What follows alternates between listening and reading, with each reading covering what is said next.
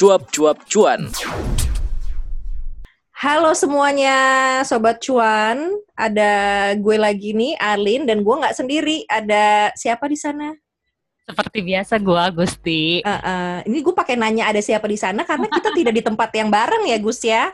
Kita Karena- sudah uh, menerapkan social distancing secara full. Udah berapa? from Udah mau sebulan kayaknya ya. Tapi kita tetap Iya. harus produktif dan tetap harus uh, bekerja gitu Iya, untuk benar. melahirkan udah sebulan. karya-karya, lah karya-karya untuk menginformasi sobat cuan semua sih sebenarnya.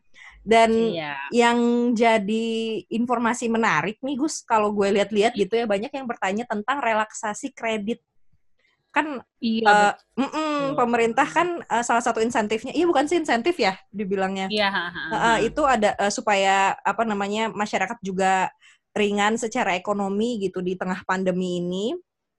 Eh, salah satunya adalah keringanan pembayaran cicilan, Iya. ya nggak sih? Pembayaran utang, Uh-uh. kredit dan segala macam. Karena kan Mm-mm. gini, uh, dengan adanya pandemi corona yang sudah menyerang kita sejak Maret kemarin kan ya. Kita pasien pertama itu awal Maret ya, pasien Iya di awal pertama Maret. kan oleh Presiden Joko Widodo. Habis itu kan work from home dan segala macam. Lalu Mm-mm. sekarang dengan berlakunya PSBB eh, pembatasan sosial berskala besar, maka eh, ini udah mulai agak terdampak nih Lin ekonomi ekonominya, terutama yang sektor-sektor informal gitu kan. Karena memang eh, jalanan sudah sepi gitu kan, jalanan Mm-mm. sudah sepi, orang Bisnis juga sudah banyak yang nggak berjalan gitu ya. bisnis tidak berjalan seperti biasa. Mall itu kan sudah tutup rata-rata kan di Mm-mm. Jakarta. Kita bisa lihat di Instagramnya mereka mengatakan bahwa mall tutup. Bahkan ada juga pusat belanja, bukan pusat belanja sih kayak tempat belanja gitu yang Mm-mm. menyatakan mem-PHK para karyawannya, para pegawainya dan Mm-mm. sudah ada di makan dan ini otomatis membuat ekonomi nggak sama lagi kan. Iya. Kondisi ekonomi kita tuh tidak seumbul, maksudnya seumbul yang kemarin-kemarin. Jadi, Nah, mm-mm, apa Ya, jadi maksudnya? akhirnya Mm-mm. uh, pemerintah pun juga mengetahui kondisi ini bahwa sudah mulai ada masyarakat yang terdampak, jadinya mulai diberikan relaksasi. Istilahnya adalah relaksasi bahwa kita misalnya uh, ada kan kita menyadari bahwa ada pegawai yang kena PHK atau pemotongan Mm-mm. gaji mungkin tidak bisa membayar cicilan mereka atau paling paling terdampak mungkin juga adalah para, para pelaku usaha kecil mikro dan menengah ya UMKM. Iya, karena bisnisnya Nah, juga nggak iya. jalan, sementara harus tetap Iya. mungkin menggaji karyawan kalau misalnya Gaji mereka karyawan. nggak nggak mem-PHK gitu ya Gus ya. membayar sewa toko segala Iya, macam. mm-mm. Akhirnya dibikinlah pemerintah eh, relaksasi kredit untuk para masyarakat yang terdampak. Nah, beberapa hari lalu kan kita melakukan open question nih di Iya. eh, sosial Di media sosial CNBC medianya. CNBC ya. Mm-mm. Mm, karena memang sebelum ada open question pun itu udah banyak banget Lin yang bertanya Yang di bertanya-tanya gitu. Iya, ya. yang bertanya di beritanya gimana gitu kan. Betul, jadi setiap kita memberitakan berita tuh kolom komentarnya juga bertanya kalau misalnya eh, cicilan kami gimana gitu kan Mm-mm. dan lain-lainnya. Terus eh, juga di kolom di YouTube, di Instagram. Akhirnya ya udah kita bikin open questions karena kebetulan eh, kemarin sekarang kan hari Jumat ya. Jadi kemarin tuh Kamis 16 April Hmm. eh, pihak otoritas jasa keuangan eh, diskusi internal dengan CNBC Indonesia soal keadaan ekonomi lah ya masalah. Ah, dan program-program stimulus-stimulus yang diberikan pemerintah untuk masyarakat yang terdampak ekonominya dan relaksasi apa yang diberikan oleh pemerintah. Jadi ya udah kita sekalian aja nih. ayo kita netizen, wakilkan lah ya pertanyaan netizen Iya. gitu ya yang bingung kreditnya apa aja ya relaksasi itu bahasa gampangnya adalah keringanan gitulah ya Gus ya Iya, Uh, buat kita gitu para Biar bisa pejuang napas, cicilan kan kondisi ekonomi ini bikin kita nyesek nih gitu. Jadi Mm-mm. biar bisa napas dikit lah warganya gitu. Nah, kita buka buka pertanyaan di kebanyakan di Instagram ya dan itu banyak banget yang nanya. Mm-mm. Itu kayak kita komentar sendiri tuh kalau di Instagram kayaknya 40 sampai 50-an deh ya. Mm-mm. Nah, di Instastory-nya sendiri juga sekitar 40-an pertanyaan. Jadi kalau di total-total hampir 100 atau lebih kayaknya Delip. Hmm, ratusan lah ya pokoknya karena memang ini jadi ini sih Gus ini adalah berita baik sebenarnya ya ada keringanan atau relaksasi kredit ini gitu apalagi buat uh, masyarakat lah ya Tapi yang jadi pertanyaan kemudian adalah ini kreditnya apa aja, ini siapa aja yang berhak dan gimana cara dapetnya. Sebenarnya kan kayak gitu nih. Karena kan hmm. pemerintah tuh memberikan apa namanya kebijakan ini kayak in general aja gitu. Tapi masyarakat ya kita-kita semula jadinya pengen tahu gitu. Apa aja sih kredit yang bisa uh, dapat keringanan ini gitu kan. Siapa aja, bagaimana. Nah, ini yang kita tanyain ya Gus ya ke Iya, dan uh, sesuai sama pertanyaannya uh, para netizen juga ke kepala ketua OJK Pak uh, Wimbo Santoso. Nah, ya dan rata-rata kan kredit yang biasa di oleh kita nih budak-budak cicilan. Itu kan kreditnya nggak jauh-jauh tuh. Kendaraan bermotor Dari gitu ya. motor, KPR KPR kartu kredit. kartu kredit pinjaman online uh -uh.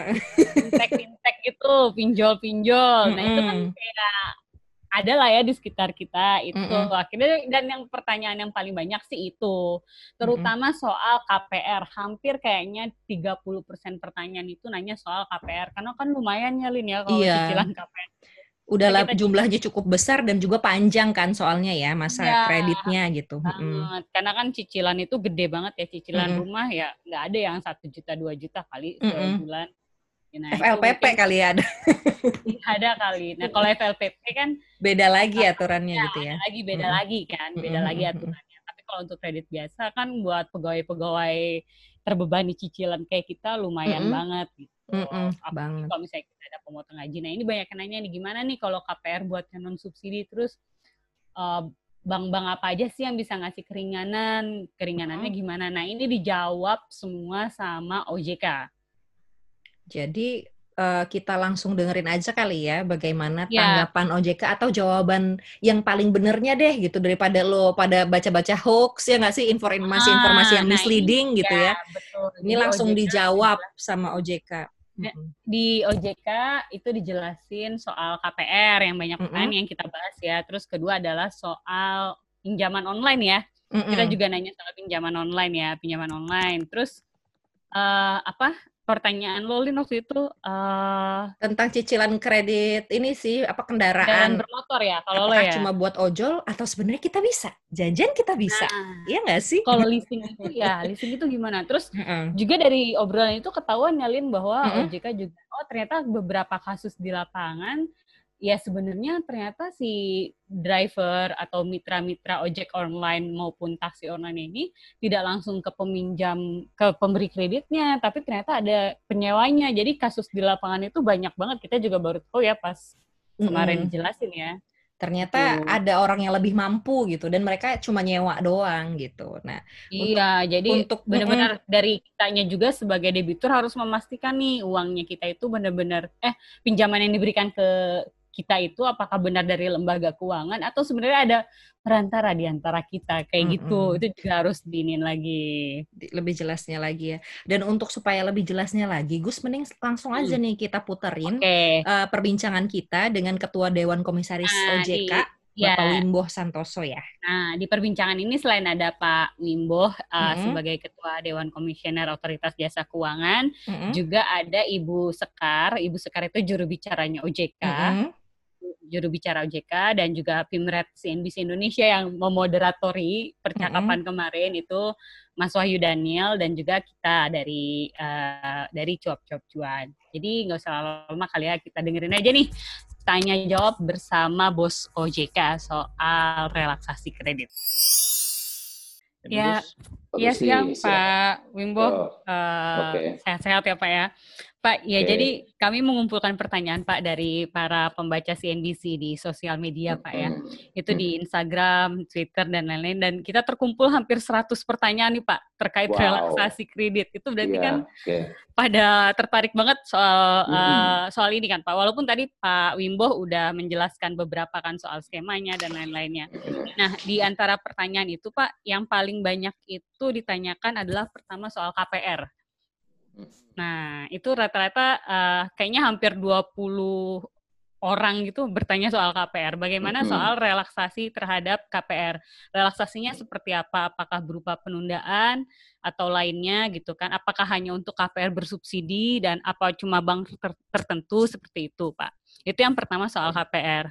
Terus yang kedua, Pak, uh, itu soal Kepres 12 tahun 2020 soal bencana nasional yang kemarin Pak Jokowi baru terbitkan gitu.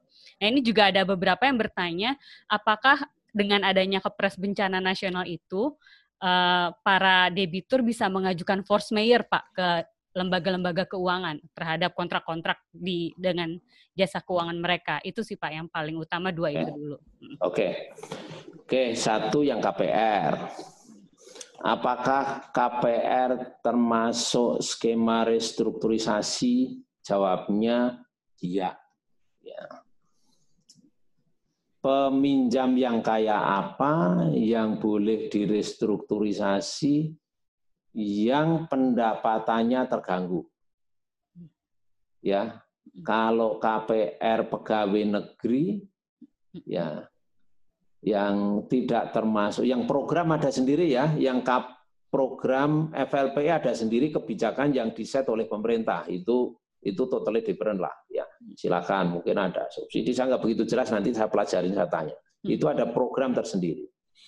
Tapi KPR biasa yang dalam program FLPP atau rumah murah yang disubsidi itu tergantung pendapatannya kalau dia pegawai negeri punya KPR, pendapatannya nggak terganggu, ya punya empati dong. Ruang yang ada biar dipergunakan oleh masyarakat yang tadi memang karena terganggu, terganggu dan pendapatannya nggak punya uang untuk membayar, terganggu, tapi ternyata tabungannya bermiliar-miliar, ya janganlah masyarakat gini jangan. Hmm. Kita tahu siapa yang punya tabungan. Saya bisa akses siapa pun yang punya tabungan ini tabungannya berapa ngerti lah, jangan bohong ketahuan. Ya. Jangan ngaku susah gitu pak ya. Jangan ngaku susah, kalau ngaku susah nanti Allah memberikan betul meridhoi susah bener itu.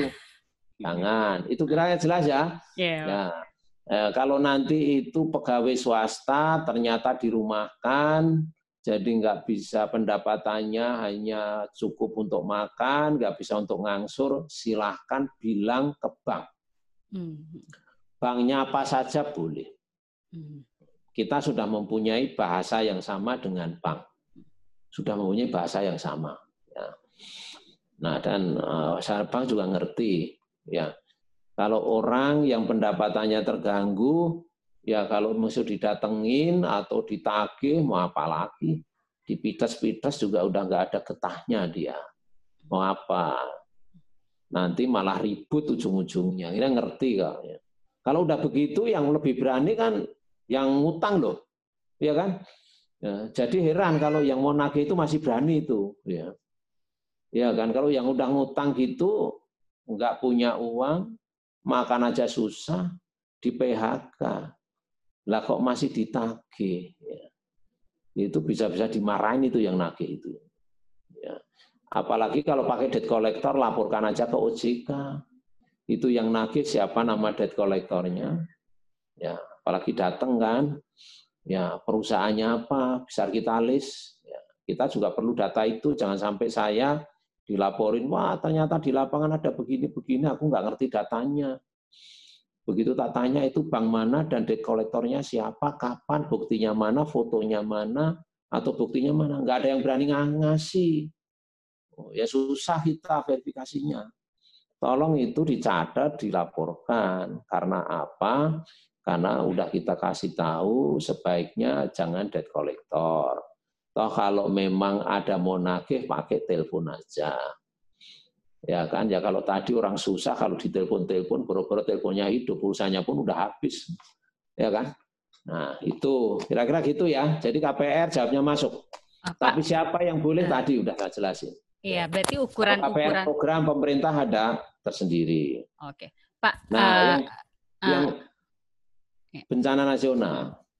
Bencana bukan berarti ada bencana nasional itu jadi semua mengajukan post major enggak nggak ada itu ya oh, Pak Mahfud sudah karena sekarang di share ya video Menteri Polhukam ya Menko ya Menko Polhukam di share aja ke semua statementnya jelas tidak dengan adanya KPRS bencana nasional tidak berarti membatalkan semua perjanjian yang ada antar pihak.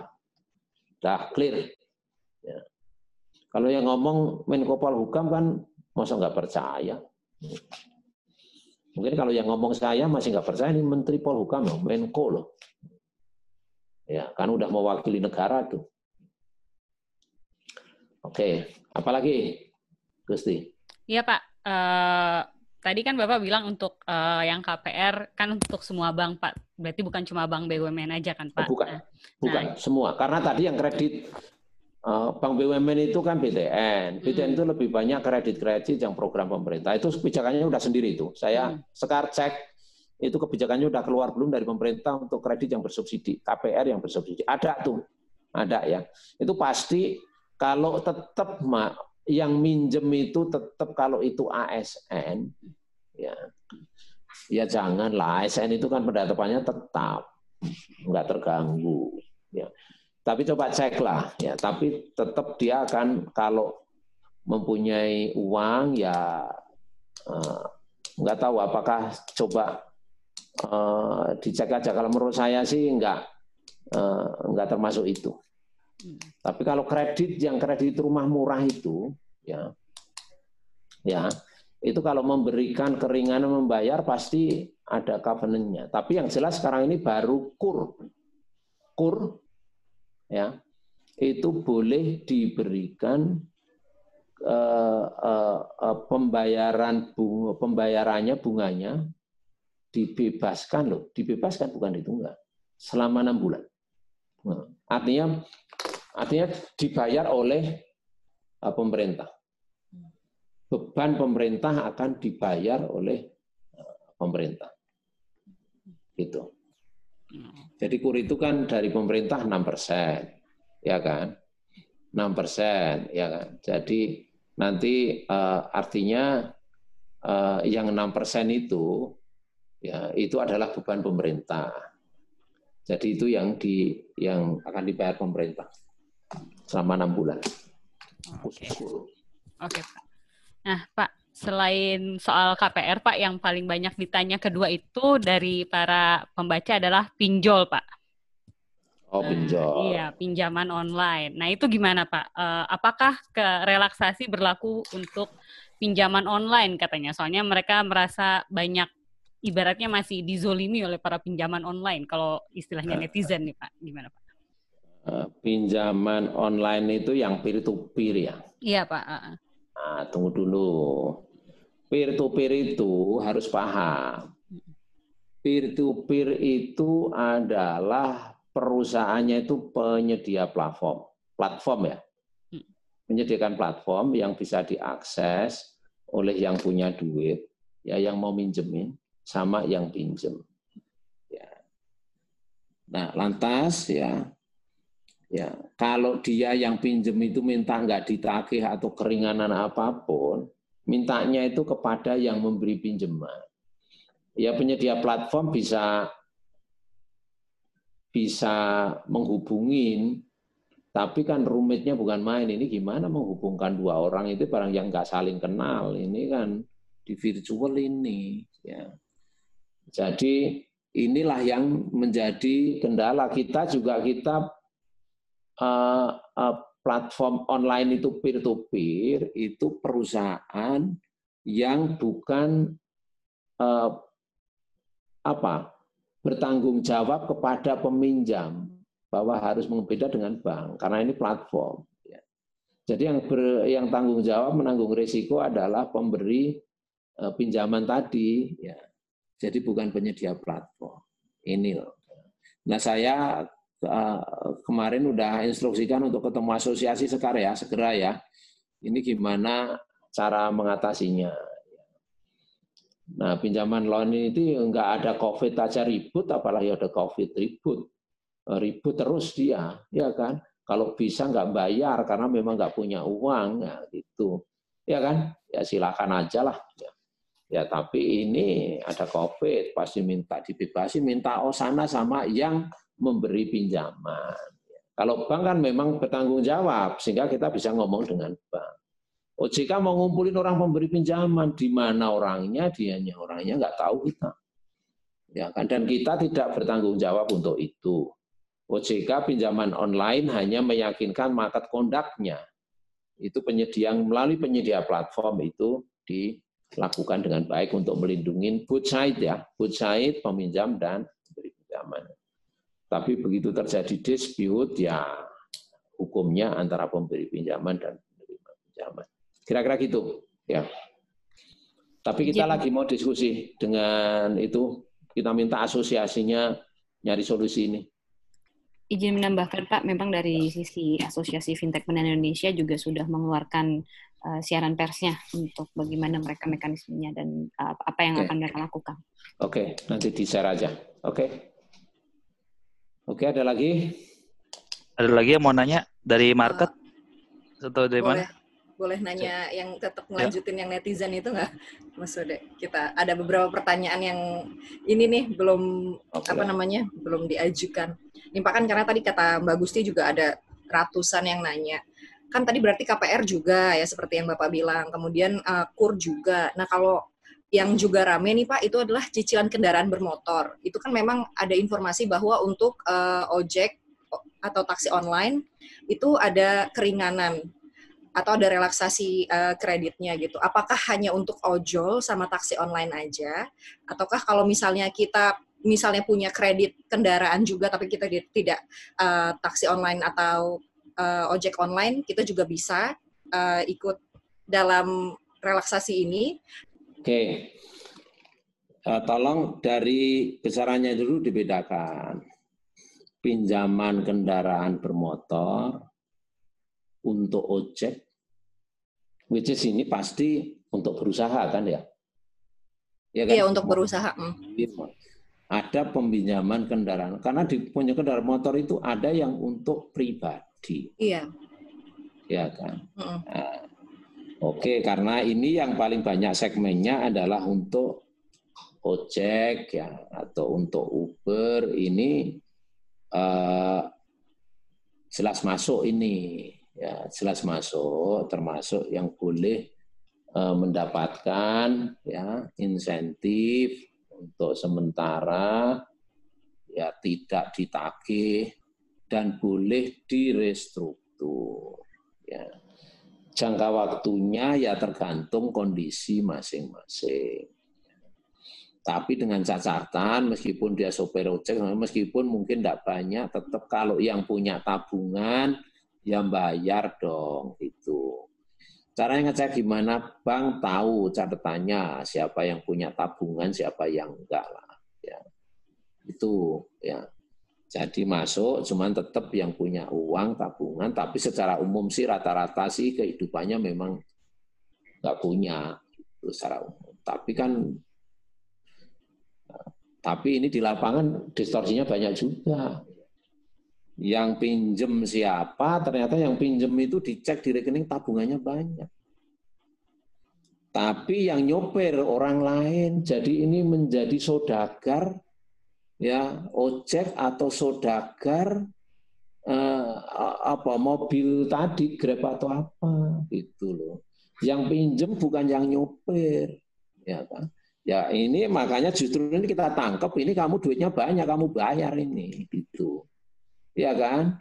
Karena tadi yang tukang tukang yang nyopir tadi itu hanya setor harian kepada orang ini, ya kan? Bukan kepada bank, kepada orang ini. Banknya urusan kepada orang ini. Jadi yang pinjam bukan yang nyopir. Yang pinjam adalah broker sodagar tadi. Ya, sodagarnya ini malah dipegang. Ini, nah, ternyata sodagarnya bisnisnya banyak, ah, bayar kan gitu. Itu loh. Nah dia pintar juga, dia mengatasnamakan yang suruh ngomong adalah drivernya. Seperti yang kemarin diviralkan itu. Itu ceritanya. Nah nanti tolong disampaikan jelas, ditanya aja dulu sampean ini pengemudi atau peminjam. Ya. Pak saya pengemudi dan peminjam. Nah ini ya kalau pengemudi dan peminjam. Ya Pak saya pengemudi aja yang minjem adalah bapak itu. Nah, itu baru orang itu yang ditagih. Bapak itu dicek kekayaannya di mana aja. Jangan-jangan saudagar besar dia. Nah, itu. Nah, habis itu kalau itu untuk pribadi, ya, nah, bekerja bekerjanya apa? Biasanya kalau untuk pribadi itu mampu, Ya. Kalau nggak punya pendapatan tetap memang berani mau pinjem mobil, pinjem motor itu. Jadi kendaraan bermotor tidak mesti untuk pribadi. Rata-rata kalau pribadi biasanya ASN atau pegawai perusahaan yang mempunyai gaji tetap. Gitu. Nah kalau perusahaan ternyata di PHK, ya nggak ada pendapatan lain, uang nggak ada, ya silahkan, bolehlah direstruktur. Nah bank-bank akan tested melakukan itu, hmm. melakukan itu. Ya. Jadi makanya kadang-kadang kalau di blasting di netizen kan, aku punya kendaraan bermotor, eh ditagih juga. Tagih no, ternyata gajinya besar, nggak ditagih gimana itu. Itu ya, kira-kira itu jelas ya, jelas Alin ya, iya, kira-kira itu ininya. Oke. Tapi itu berarti tergantung kepada kebijakan banknya masing-masing gitu ya Pak ya? Iya, karena apa? Karena masing-masing nasabah itu kondisinya beda-beda. Kalau kita bilang, oh ini nasabah semua motor harus direstruktur, yang tadi kasusnya. Ya kan? Kalau ternyata yang pinjam motor itu saudagar ojek, gimana? Ya nggak layak kan? Harus bayar itu saudagarnya kan bisnisnya banyak. Kalau ternyata yang pinjam motor itu pegawai negeri gimana? Lu gimana sih? pemerintah aja bantu orang lain supaya makan, ini pegawai negeri malah ikut-ikutan. Nah, gimana tuh tadi? Udah kita dengerin bareng-bareng ya Gus ya? Penjelasannya. Ya, udah, mm -hmm. udah lumayan jelas sih kalau mm. gue ya buat yang mau dapat keringanan KPR. Kan teman-teman mm. gue juga banyak nih Lin yang lagi mencari tahu soal keringanan KPR. Mm. Jadi kalau kalian emang benar terdampak, bisa semuanya bisa. bisa. Tadi kan mm. Pak Pak Wimbo bilang bisa bisa, pokoknya mm -hmm. bisa asal membuktikan dampaknya dan datang ke bank, semua bank. Jadi bukan cuma bank BUMN, bank mm -hmm. bukan bank BUMN, alah belibet. yang penting tuh bener-bener lo tuh memang terdampak gitu ya, jangan sebenarnya lo yeah. ada ada uangnya gitu, cuma karena lo ah nih aku, aja mumput nih gitu. Iya. ah gue mau apa ngeringanin cicilan KPRA karena gue mau beli PS4 misalnya kayak gitu. Kurang ajar ya Anda. Jangan menari di atas penderitaan orang lain. Pokoknya bener, uh -uh. gue teringat hari ini postingannya Gubernur Jawa Barat Pak Ridwan Kamil. Uh -uh. Jadi ya bagus banget. Jadi ini bukan sekedar pembatasan sosial, tapi di saat seperti ini kita juga harus solidaritas sosialin. Mm, betul. Nah, betul. jadi uh -uh. buat lo semua, kalian-kalian yang masih mampu secara ekonomi, yang gajinya nggak dipotong, yang tidak terdampak, gitu. Jangan mengambil kesempatan dalam kesempitan. Ingatlah ya, ada yang kan? lebih membutuhkan ya, gitu ya, Gus ya. Berilah ruang itu mm -hmm. kepada yang lebih membutuhkan. Mm -hmm. Kalau kata Pak Wimbo tadi, jangan ngaku mm -hmm. susah. OJK bisa lo menelusuri tabungan kalian. Gitu. Ketahuan ya, bank, simpenan lo ya. di mana aja gitu ya. Mm, jadi jangan bilang-bilang, oh, ini kan lagi susah, tolong jangan tolong jangan nagih-nagih saya tapi beli skincare. Hmm. Hati-hati, skincaremu membawa dosa nanti. itu hitungannya berat itu di akhirat. Iya, hati-hati. SK itu bisa jadi air raksa di neraka. Betul. Jadi harus memang benar-benar kita harus berempati dan juga kita harus uh, maksudnya ya kalau misalnya lo masih mampu ya ya lakukan saja seperti biasa gitu ya kalau lu tidak terdampak gitu ya. Tapi ini memang iya. dikhususkan relaksasi ini dikhususkan bagi teman-teman kita yang terdampak gitu. Dan mm-hmm. uh, semua bisa di uh, lo bisa gitu mendapatkan apa namanya keringanan itu. Keringanan. Ada uh-uh. ada ruangnya pokoknya kalau ada, terdampak. Uh-uh. Jangan khawatir pemerintah memastikan gitu kesejahteraan mm-hmm. rakyatnya, warganya. Pokoknya kalau memang pengen diutamakan kita supaya bisa makan dan memenuhi kebutuhan hmm. hidup dulu ya. Yang penting lu punya buktinya gitu sih ya intinya. Benar, Jadi no tipu-tipu gitu ya. Uh, dan uh. kalau yang tadi itu yang menarik juga soal debt collector tuh, Lin mm -hmm. dari keterangannya Pak Wimbo. Pokoknya kalau emang masih ada debt collector itu nekat, boleh lu laporin. Udah laporin, fotoin orangnya. Uh -uh. Fotoin kalau misalnya di OJK kalian kurang apa, laporin ke OJK. Mm -hmm. Ini dengan artinya ini orangnya namanya motoin dan kalau misalnya kalian nggak puas nih ngelapor ke OJK, bawa deh ke dukun setempat. biar jalur singkat ya. iya, jadi biar hukuman dunia akhiratnya dapat itu. Tapi kita kena juga Bu nanti Bu kalau ke dukun. Syirik gitu, perbuatan syirik. oh iya, kalau gitu kening Siti Nampi kan tidak sih. Mending langsung beli obat corona aja kalau kan dia Bu, 35 ribu Bu, gue lihat katanya. Luar biasa. Luar biasa banget ya orang memanfaatkan kondisi kayak gini, tapi yang pasti adalah kita semua ya yang seperti lo bilang gitu ya, kita uh, tidak yeah. hanya apa uh, social distancing, tapi juga harus punya solidaritas sosial gitu, punya empati sosial akan sesama kita karena ini kondisinya memang tidak baik-baik saja dan bisa dibilang juga susah untuk sebagian besar hmm. orang gitu ya. ya. Jadi alangkah baiknya ini kita, memang sedang saling tidak baik-baik saja, mm -hmm. betul. Mm -hmm. Jadi kalau selama kita masih bisa menjadi tangan yang di atas, untuk jadilah apa? tangan yang di atas. Tangan yang di bawah. Mm -mm, hmm. Betul banget. Ya udah Gus untuk episode kali ini segitu aja. Nanti gitu. uh, kita akan bahas lagi eh, pertanyaan-pertanyaan uh, lain gitu ya Gus ya terkait. Iya, kayaknya isu ini memang memang hmm. banyak banget yang tertarik kayak buat lebih dalam kita belum kita belum bisa janjiin sih tapi insya Allah nih kita hmm. juga mau coba ngobrol lebih lanjut mungkin sama jubirnya OJK hmm. supaya bisa bahas ini lebih rinci kali ya iya lebih uh, uh, lebih kayak gimana sih kalau misalnya lu mau komplain pengajuannya ke mana hmm. dulu buktinya apa dulu yang harus lo siapkan gitu uh, secara uh, kredit kredit apa kan ada beberapa pertanyaan yang kemarin belum kita sempat ajukan kayak -hmm. misalnya ah, kalau kartu kredit gimana gitu Mm -mm. Nah, kalau kartu kredit lo cuma buat ngejar diskon di mall sih ya, mohon maaf ini. gue juga agak gemas menjawabnya, nggak usah OJK ya. Kayaknya gue juga gemas. Sebel gitu ya. Iya. Atau ntar kita juga bisa kita langsung tanya. ngobrol ke banknya gitu ya. Atau iya, orang-orang yang terdampak deh. Bang. Pokoknya nanti doain aja kita bisa terkoneksi dengan orang-orang ini gitu ya Gus ya. Iya, amin. Mm -mm. Pokoknya kalian pantau terus, subscribe, mm -mm. subscribe, follow kita di cuap-cuap cuan, nggak mm -hmm. bakal nyesel deh pokoknya topiknya bakal sangat relevan lah ya. Setiap hari. Insya Allah sih relevan ya, insya Allah relevan. Walaupun hostnya nggak jelas kayak gitu ya.